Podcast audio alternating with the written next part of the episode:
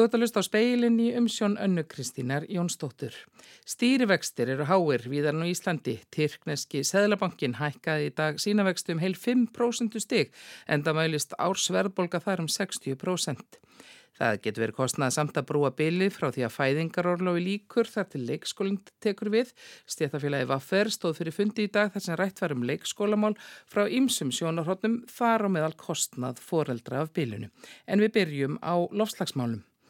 Þúsundir stjórnmála og ennbættismanna, vísindamanna, fulltrúa hagsmunnaðila, umhverfið samtaka að óglemdum herskara fjölmiðlafólks flikjast brátt á 28. lofslagsraðstefnu saminuðu þjóðana sem byrjar í saminuðu arabísku fyrstadæmanum um mánaðamótin. Ráðstefnan er haldin undir slagorðinu Let's Get to Work eða komum okkur að verki og megin verkefnið er sagt fyrsta allsherjar úttektin á þróun mála og aðgerðum ríkja heims frá því að Parísa samkúmulagi var gert árið 2015. Það hefur vakið nokkra fyrðu og gaggrinni að ráðstefna skuli haldin í ólíuríkjum hverja hagsmunur hljótað að stangast á við eitt að höfuð markmiðum lofslagsráðs saminuðu þjóðana sem er að draga úr losun, ekki síst með því að draga úr og helst hætta alveg notkun gerðefna elsneitis. Það hefur svo ekki orðið til þess að draga úr gaggríni á staðarvalið og evasemdum um heilindi geskjafana að í forsæti ráðstefnunar situr soldánin Ahmed Al-Jaber sem er vissulega erindreiki saminuðu arabísku fyrstadæmana í lofslagsmálum en líka yðnaðar á þeirra og stjórnarformaður og forstjóri ríkis oljufyrirtækis Abu Dhabi. Íslendingar verða með sendinemdir í Abu Dhabi eins og á fyrri lofslagsráðstefnum og þanga fara meðal annars tveir fulltrúar ungra umhverfi sinna.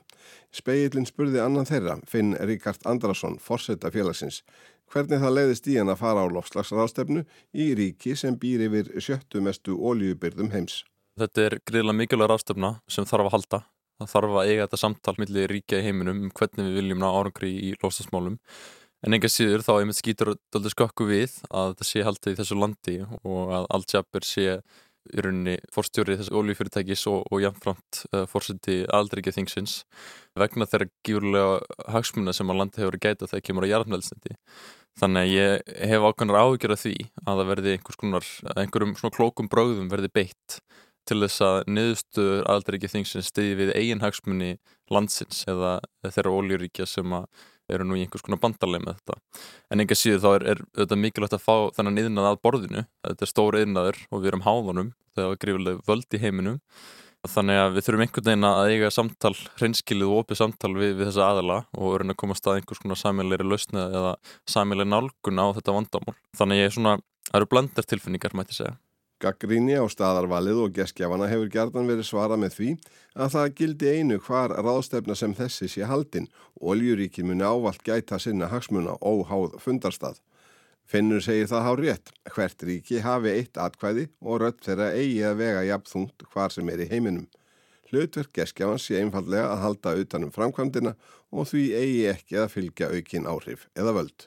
En málun hafa þróast þannig gegnum eh, áratugina sem að þessi þing hafa verið haldina að gestgefa þjóðin hefur meiri völd heldur hann kannski var ætlast til í upphafi. Þannig að það mætti segja að, að saminuða arbísku fyrstudæmin hafi ákveðin völd umfram hinn löndin á eh, aldaríki þinginu heldur en eða þingi væri haldið annars staðar þannig að ég held að, að við þurfum bara að hafa augun mjög fyrir lópin og, og passa það að, að þau mun ekki misnóta þessu völd Þau sem gaggrína staðarvalið vilja meina að þótt óljuríkin muni vissulega alltaf gæta sinna hagsmuna hvar sem fundað er, þá sé verið að veita þeim einhvers konar viðurkenningu umfram verleika með því að fela þeim geskjafa hlutverk ráðstefnu sem þessarar og að í því felist í raun eins konar grænþvottur.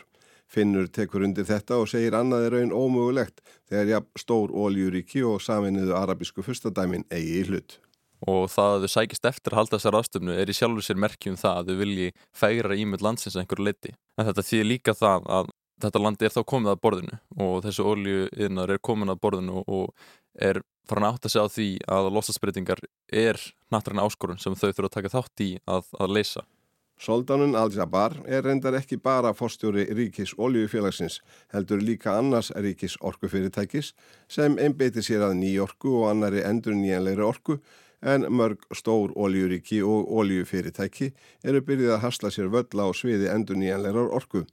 Þetta gera þau af nöðsin, segir Finnur, til að gæta eigin hagsmunna. en einhver síður er það ekki næri nóg miklu mæli þannig að þau kannski eru farin átt að segja á því að þau þurfa einhvern veginn að vera með fjölbreyttari orkuframnuslu eh, næsta ára tíuna en breytingin er ekki eða stann og hratt og við sjáum það að, að um allan heim þá hefur verið að bæta í, það hefur verið að gefa út fleiri leiði til óljuleitur og óljuvinnslu það hefur verið að veita fleiri, meiri, meiri fjármögnum í, í þannig yðinað til dæmis bara hérna í Norri og í Bandaríkunum og, og Breitlandi á Vesturlundum og, og það er skrítið að þessi lönd séu þau ríki sem að koma svo að þessi þing og er að tala fyrir auknum metnaði Þannig að þegar á öllur á botning kvólt eru þau kannski giska fá ríkin sem geta barið sér á brjóst og fullirt með sanni að þau séu heppilegri eða trúverðugri vettvangur fyrir lofslagsrástefnu en óljuríki við Persaflóa. Enda þau sem ekki framleiða jarðefna elsniti eins og ólju og kól en þá ansið dugleg við að nota það. En það eru lönd sem eru að standa sér gríðarlega vel og það eru lönd líka sem eru farin að átta sér verulega því að þeirra land mun reynilega hverfa, til dæmis land í, í Kirrahafinu, eigur, smáeríki sem að munu hverfa vegna hækkuna sjábors. Fiji til dæmis er eitt þeirra landa sem að hjælt með, með stuðningi Þýskalands svona þing fyrir einhverjum árum síðan uh, og ég myndi að segja að þeim var mjög treystandi fyrir þessu að því að þeirra hagsmunir, þeirra hagsmunir er gætt í því að grípa til eins róttækra og losast að gera það hægtir. Þannig að það eru klárlega einhver land sem myndu vera betur til þess fallin að halda á stýra svona þingi. Hvað með Ísland? Hvernig stöndum við okkur? Við erum að standa okkur hræðilega, það er bara þar að segja þess að svo er. Og Íslands stjórnvöld berið mikla ábyrð og, og það kom okkur í ungum umhverfisinu mjög ávart að sjá að frumvarpum bann við ólíleitt og vinslu við Ísland var ekki lagt fram núna á haustinginu, það var á dagskráða þingi fyrr á þessu kjörtímubili en er það ekki núna? Og svo eru einni vísbendingir það í frumvarpum sammenningarstofnana undir umhverfis orku og losastræðandinu að það er að skoða reynilega nýtingamöguleika á jæratna öðlundum á hafsbótni Íslands. Þannig að Ísland er alls ekki að standa sig vel og, og þetta er alltaf skrítin skilabóð sem við erum að skinja í kringum okkur varandi hvort að Ísland ætlaði að stefna því að taka þátt í því að, að hverfa frá og banna jærnöðsniti. Slagorð rástefnunar er komum okkur að verki. Hér heima hefur losun hins vegar aukist um ríflega fjórðung frá 1990 og eikst enn. Ekkert bólar enn á upphærðri aðgerða áallun í lofslagsmálum og nýtt lofslagsráð er enn óskipað þótt skipunatími hins fyrra hafi runnið út í byrjun september og það er ekki eins og stórfenglegar aðgerðir hafi fyllt þeim óteljandi fyrir hittum sem gefin hafa verið á fyrri lofslagsraðstefnunum 27.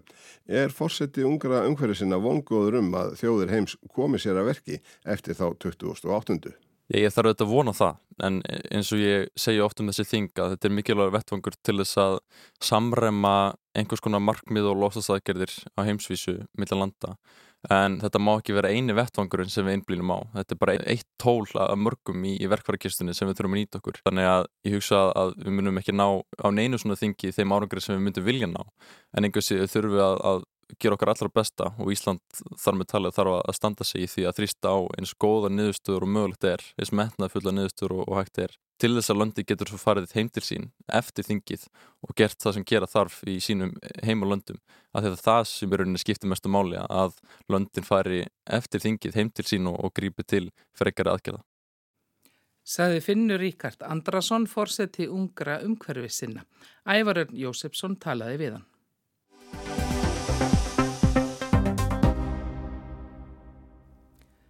Hvað kostar að eignast bann? Vaffer stóði dag fyrir fundi um leikskólamál út frá ýmsum sjónarhóðnum. Viktor Karl Magnusson, sérfræðingur hjá Vaffer, fjallaði um tekjuskerðingu foreldra í fæðingarorlofi og hinnu um margumræta um önnunar bylji á milli fæðingarorlofs og leikskóla.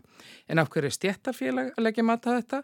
Ragnhildur Tólasíus rætti við Viktor sem sagði þetta tímabil sem ennkendist af reddingum og reyndist foreldrum oft erfitt, ekki síst fjárhagslega. Sko í stuttumáli þá kemur þetta svoleiðis út að tekju skerðing fóruldra í fæðingar orlofið annars veðar og umunanabili hins veðar er bara all veruleg og það fer að sjálfsögða eftir því sko hvernig við stillum upp alls konar fórsendum aðstæðar fólks eru mjög, mjög ólíkar. Fólk er með mishá laun, bakland fólks er mjög stert þannig að það er allur gangur á því hvort að fólk hafi aðgangað einhverju ömmu eða, eða afa til þess að hjálpa sér við að sjá um börnin í umunanabili til dæmis En það sem við ákveðum að gera í þessari greiningu í tengslu við annan fund sem við vorum með var að búa til dæmi þar sem við myndum skoða aðstæður fólks sem eru þá hjón og gáfum okkur það að, hjónin væri sem sagt bæði með miðgildi heildar launa vafferfélag sem eru Sangat nýjustu launakönnun vafferum 768.000 krónur á mánuði fyrir skatt. Þannig að það eru svona þessar forsendur sem við erum að gefa okkur. Og aftur bara það er gott að ítrekka þetta er bara eitt dæmi. Likil niðurstaðan er svo að tekjuskerðing fóruldra í fæðingarorlofi og umunanabili hleypur á 2,7 miljónum króna eftir skatt. Þannig að við erum að tala um reynd launatapp og svo upphæði markfaldast sem í fjölda barna, þannig að við skoðum þann kostnað sem hlýstaði að koma tveimur börnum í leikskóla miða við þessa fórsendur þá gæti sá kostnaður verið 5 miljónir e- eða meira og, og aftur eftir skatt. Þetta eru umtalsverða fjóraðir. Þetta eru það og, og fyrir þetta tiltekna dæmi. Sem og, er bara svona meðal manneska í raun og veru. Já. Meðal hjón. Mætti segja það og með eitthvað bakland geta fengið ömmu eða afa til þess að passa tóta í viku. Hann að við fáum þess að tölu svo leiðis út að í fæðingar orlofi fær fólk auðvitað 80% af sínum heldur launum eins og við þekkjum örg en að hámarki 600.000 krónur á mánuði fyrir skatt. Og í því fælst þá þetta tekju skerðing þess að 12 mánuðis sem fjölskyldi er, er að nýta sér sitt fæðingar orlof og, og síðan er það umunanabilið en sangkvæmt nýlegri skýslu frá BSRB þá er umunanabil á Íslandi að meðaltali 5,5 mánuðir. Og, og í þessu dæmi sem ég var að lýsa þá erum við sem sagt að gefa okkur það að, að þessi fóreldrar lækki starfs hlutalli sitt þá í 5,5 mánuði. Við gætum til dæmis gefið okkur að annað fóreldri fær í 80% starf og hitt í 60% starf til að dekka þrjá daga meðan að fjölskyldan tekur hinn og tvo. Og þá fáum við út þessa niðurstu að fyrir hvert bad þá er launaskerðingin um það byrj 2,7 miljónir auðvitað við myndum skoða þetta dæmi sem ég var að lýsa þá svona eðlimál sem samkvæmt væri tekjuskerðingin sko minni í, í krónumtalið eða ert að skerða minni upphæð en auðvitað býta öll almun útgjöld mun fast þar í veski þar sem hafa minna millir handana og, og þetta getur bara verið verulega snúið fyrir þá sem eru já einstæðir fóreldrar, hafa lítið bakland, hafa lítið sveigleiki í stöfrum sínum og, og svo framins. Kostnaður við það að vera með barn á leikskóla? Hann hefur svolítið verið að breytast. Hann hefur verið að gera það og það getur kostað umtalsvert að vera með barn á leikskóla. Og við, við höfum sett það að í sumum sveitafjölum eins og í, í Kópói þá hafa leikskóla göld hækkað all verulega fyrir vistun sem eru umfram 6 klukkustundir á dag. Og í Kópói núna til dæmis þá eru leikskóla göld fyrir eitt barn um það byl 600.000 krónur á ári fyrir 8 tíma vistun og svona miða við þær forsendur sem við vorum að gefa okkur í þessu dæmi fyrir þessu hjón og, og fyrir tvö börn væri þetta um það byrj miljón krónur á ári þá að tekna tilliti til sískinafslattar. En þetta er verulega hækkun og, og náttúrulega ástæðan fyrir því að, að kópóður er að fara þessa leið og, og mörg sveitafélög er að fara þessa leið er til þess að rægðast við ákveðinu ástandi sem er inn á leikskólum og það sem að það er verið að reyna að stitta leikskólan til þess að minka álag og koma fleiri börnum að en afleðingarnir eru samt þær að fyrir þá fóruldra sem eigi ekki kost á að hafa börni sín 6 tíma eða, eða skemur á, á hverjum degi þá er þetta náttúrulega umtalsverðar hækkanir. Og það er kannski líka svolítið að það er einna helst fólki sem er með lægri tekjur eða eru mögulega einstæðir fóruldrar sem hafa oft minni sveigleiki starfi og hafa þá síður kost á að nýta sér þetta 6 tíma úrræði og þurfa þess að borga markvallt meira en áður. Þannig að það er alveg ákveðin vandi þar að ferð sem við í vaffer sjáum og höfum áhugjur að. Sko þið ætlið að uh, gera kröfur í samband við þessi mál komið kæra viðræðum, er það ekki? Jú, það eru þetta margar aðgæri sem ætti að ráðast í og það sem við teljum vera mikilvægast væri að brúa þetta svo kallega umunanabil og þá með aðkomu stjórnvalda og við teljum nöðsilegt í vaffer að Ísland feti fótspór hinn að Norðurlandan og tryggi börnum einfallega pláss í leikskólum leið og fæðingar orlufi líkur og það er uh, allra mikilvægasta í þessum efnum að okkar mati. Og síðan eru þetta fjölmarkar aðrar aðgerri sem hægt er að skoða. Það er að skoða það að hækka tekjumark fæðingar orlofsjóðs við sjáum það að það er stór hluti vaffir félaga sem færi innan við 80% af sínum launum í fæðingar orlofi. Við viljum endur skoða þessar hækkanir á leikskólagjöldum og við viljum eins útvikka almennan orlofsrétt fóruldra. Það er annað sem kemur fram í þessu öllu saman sem er að það er ekki bara skerðing sem ásist aði í krónum heldur líka í, í orlofstöðum vegna þess að fólk eru ofta að nýta sétt orlof í umönanabili og mætir sen inn á leikskólan og á lítin orlofsrétt og er því að taka sér launalust leifi á þeim dögum sem leikskólar eru lokaður og við viljum helst breyta þessu. Saði Viktor Karl Magnússon sérfræðingur hjá Vaffer, Ragnhildur Torlasíus talaði við hann.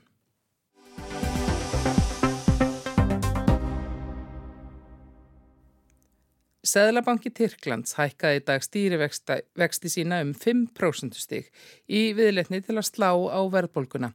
Vextinnir eru komnir í 40% og eru hvergi herri í nýmarkaðsríkjum heimsins. Stýrivextirnir hafa verið hækkaðir í hverju mánuði síðan í júni. Efnahagsjárfræðingar höfðu spáð því að hækkunin í þessum mánuði því 2,5%. Virkilega sterkur leikur hjá Sæðlabankanum mun betri en búist var við, skrifaði Timothy Ass, sérfræðingur í efnahagsmálum nýmarkaðsríkja á samfélagsmiðlum. Mikið likur við að koma efnahagslífinu í Tyrklandi á réttan kjöl. Ársverðbólgan meldist 61,36% í síðasta mánuði. Því hefur verið spáð að hún nemi 65% um allt árið í ár og nái að líkindum hámarki í mæi á næsta ári 70-75%. Slík staða í efnahagsmálunum skapar umtalsverða erfiðleika fyrir landsmenn, verða á vel flestum vörum og þjónust og hækkar stöðugt þar á meðal matarverð og er ekki neinum takti við launahækkanir. Ailemizde şu an iki kişi zaten çalışıyor. Birininki kiraya gidiyor zaten, diğerininki elektrik, su, doğalgaza gidiyor. Çok az, yani çok zor geçiniyoruz şu an yani. Við erum tvö sem vinnum fyrir heimilinu, önnur launin fara í húsalegu, hinn til að borga rafmagns, gas og vatsreikningana. Það er mjög erfitt að ná endum saman því að við erum bæði á lágmarkslaunum, sagði Farúk Karamnett, verkamaður í vefnaður yðnaðinum, þegar hann tók þátt í kröfufundi fyrir bættum kjörum í Istanbul á dögunum. Recep Tayyip Erdogan, fórseti Tyrklands, hefur laungum verið á skjön við þjóðhagfræðinga um leiðir til að halda þjóðarskútunni á floti. Sér í lagi barðist hann fyrir því að halda verðbólgunni í skefjum með sem lægstum stýrivöxtum, andstætt því sem eh, var gert víðart hvar annar staðir í heiminum til að halda aftur af efnahagsþrengingum. Eftir að hann var endur kjörinn fórseti í mæ kom skindilega annað hljóð í strokkin. Nýtt fólk var kallað til starfa til að rétta af hallan. Hagfræðingurinn Mekmund Simsek, yfirmaður efnahags- og stefnumótunar deildar Merrill Lynch bankans fyrir Evrópu, Mið-Östurlönd og Afríku var skipaður fjármála og efnahagsráþara. Hafís Guy Erkan, sérfræðingur í bankastarfsemi, fjárfestingum, áhættustýringu og stafræðni nýsköpun, sprengmentuð í bandariskum háskólum, var Sæðlabankastjóri. Þau og samstarfsfólk þeirra hafa síðastlegina mánuði kapp kostað við að endurreisa efnahag Tyrklands. Að sögn AFP fréttastofunar hefur Simsek verið síðustu mánuð á stöðugu ferðalagi millir efnahags höfuðborga heimsins og mið Östurlanda til að kynna stór átak Tyrkja í efnahagsmálum. Ætlunin er að laða að erlenda stórfjárfesta og stjórnendur sterkra fjárfestingarsjóða. Svo veriðist sem Erdóan fórseti sé harla ánaður með aðgerðirnar Hann sagði í hópi Tyrknaskra fréttamanna í vikunni að umsnúningur væri á næsta leiti í efnahagsmálum með ört lækandi verðbolgu. Einnig ætti verðmæti Tyrknasku lírunar eftir að ná sínu raunvörulega verðgildi. Við eigum eftir að öðlast tröst fjárfesta með skinsamlegri stefnu okkar og skipulags umbótum, sagði fórsetin. Atfinnu ástandið í Tyrklandi er á hægri uppleið. Atfinnuleysi var 10,02% allt árið í fyrra. Í ágúst síðaslinum var það 9,2%. Hagstofan í Ankara tilkynnti reyndar í gær að atvinnuleysi í yðnaði, verslun og byggingageranum hefði aukist á þriðja ársfjörðungi um 3,9% frá sama tíma í fyrra. Launavísitalan var 113,7% um hærri í júli til september en í sömu mánuðum árið 2022. Ásker Tómasson sagði frá. Og það er ekki fleira í speiklinum í dag. Tæknimaður var Mark Eldredd, það má hlusta á speilin og vefnum okkar rú.is og í helstu hlaðvarp, hlaðvarpsveitum verið sæl.